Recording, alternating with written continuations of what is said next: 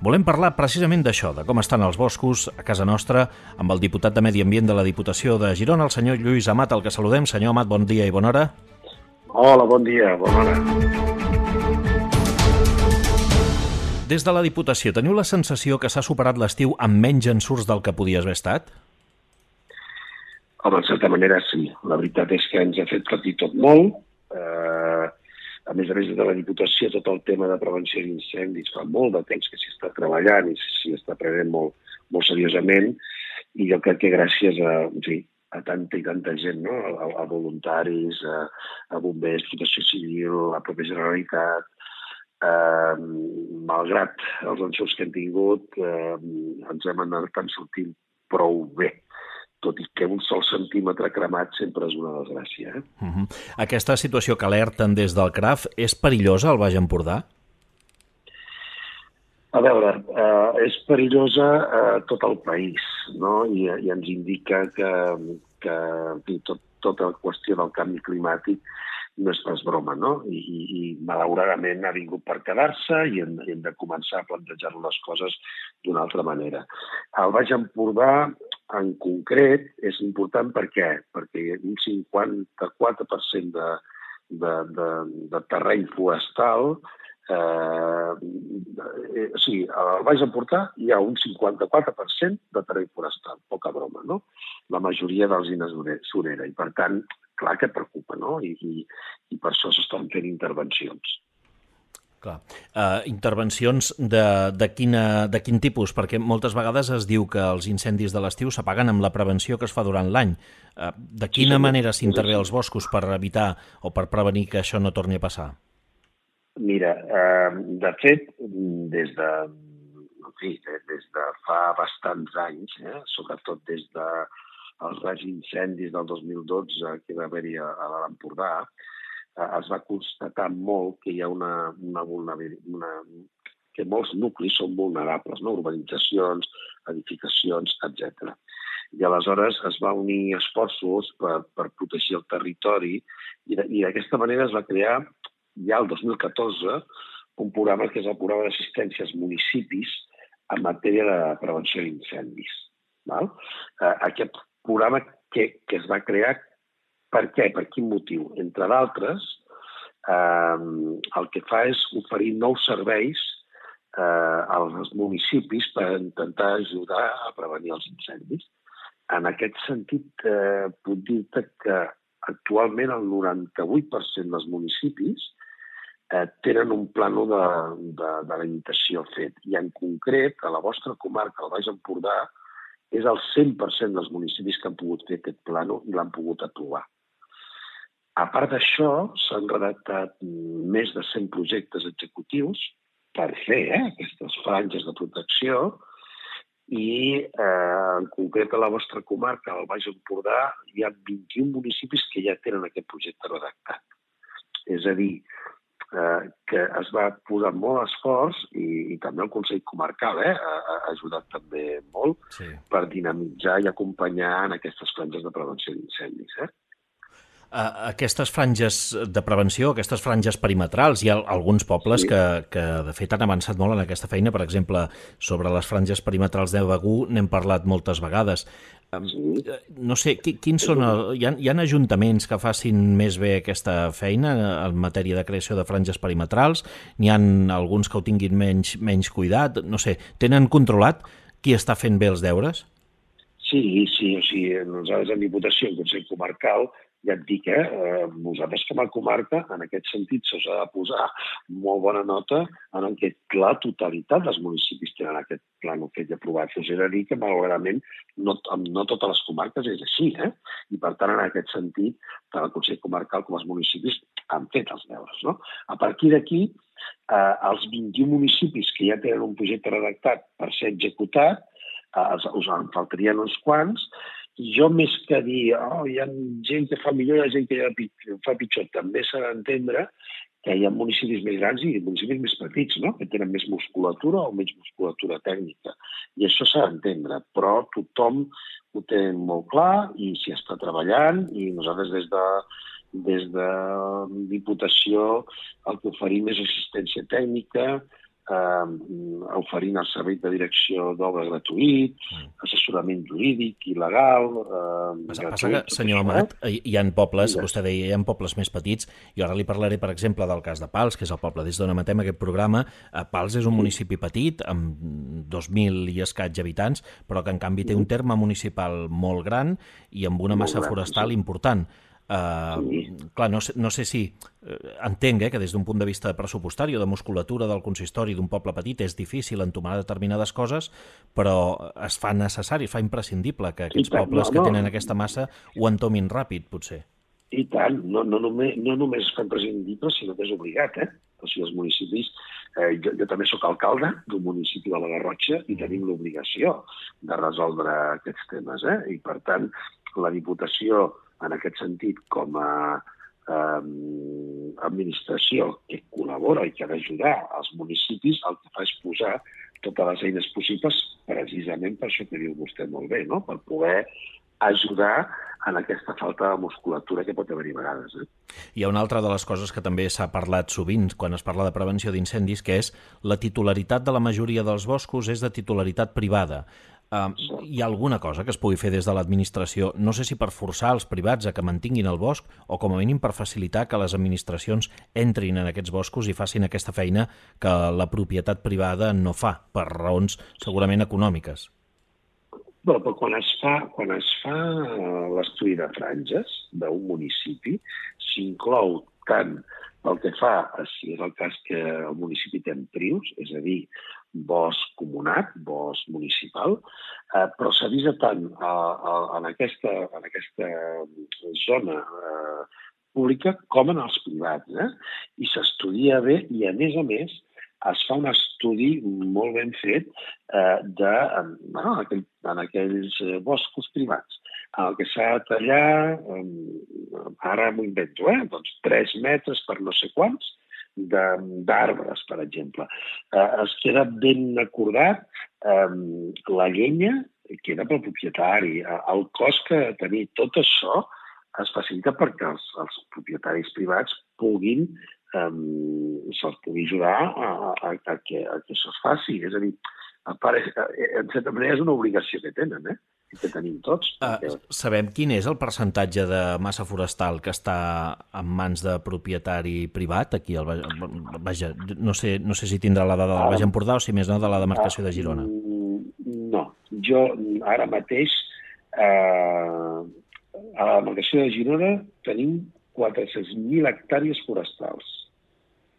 Això, en general, discriminar-te quina banda és pública i quina privada, ara mateix no tinc aquí la dada. I em sap greu, no la tinc. Ah. El que sí que pot dir és això, eh, que, que podria, o sigui, tota la demarcació de Girona, el 64% del nostre territori és forestal, déu nhi Um, Són 400.000 hectàrees. Senyor Mat, parlàvem de les franges perimetrals, que al final no deixa de ser franges que el que fan és protegir els nuclis de població davant de la possibilitat sí. que hi hagi un incendi forestal.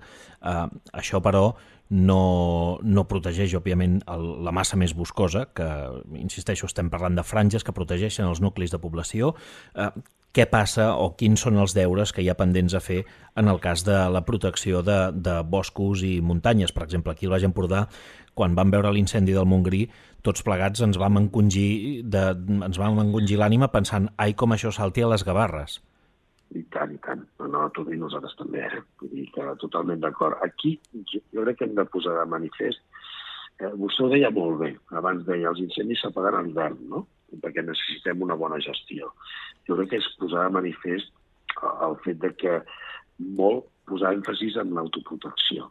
No? Eh, és a dir, en molts casos, tot i que la llei ho contempli, la, la implementació de mesures d'autoprotecció no, no s'acaben d'entendre com una responsabilitat i obligació als propietaris. Ho haurien d'entendre. Haurien d'incidir més en això, que és que el que vostè ja apuntava una miqueta. No? Uh, per què? Perquè es fa imprescindible tot això de que des, nosaltres, des de les administracions, hem de fer, hem de seguir fent una tasca molt d'informar, de sensibilitzar, de posar-nos al costat, d'ajudar fins allà on puguem, de, de presa de consciència sobre l'exposició del risc. I si no ho fem així, amb l'autoprotecció, amb la nostra ajuda, però l'autoprotecció i amb la responsabilitat individual de cadascú, no ens en sortirem, perquè és molt extens tot plegat. I per tant aquí cal que...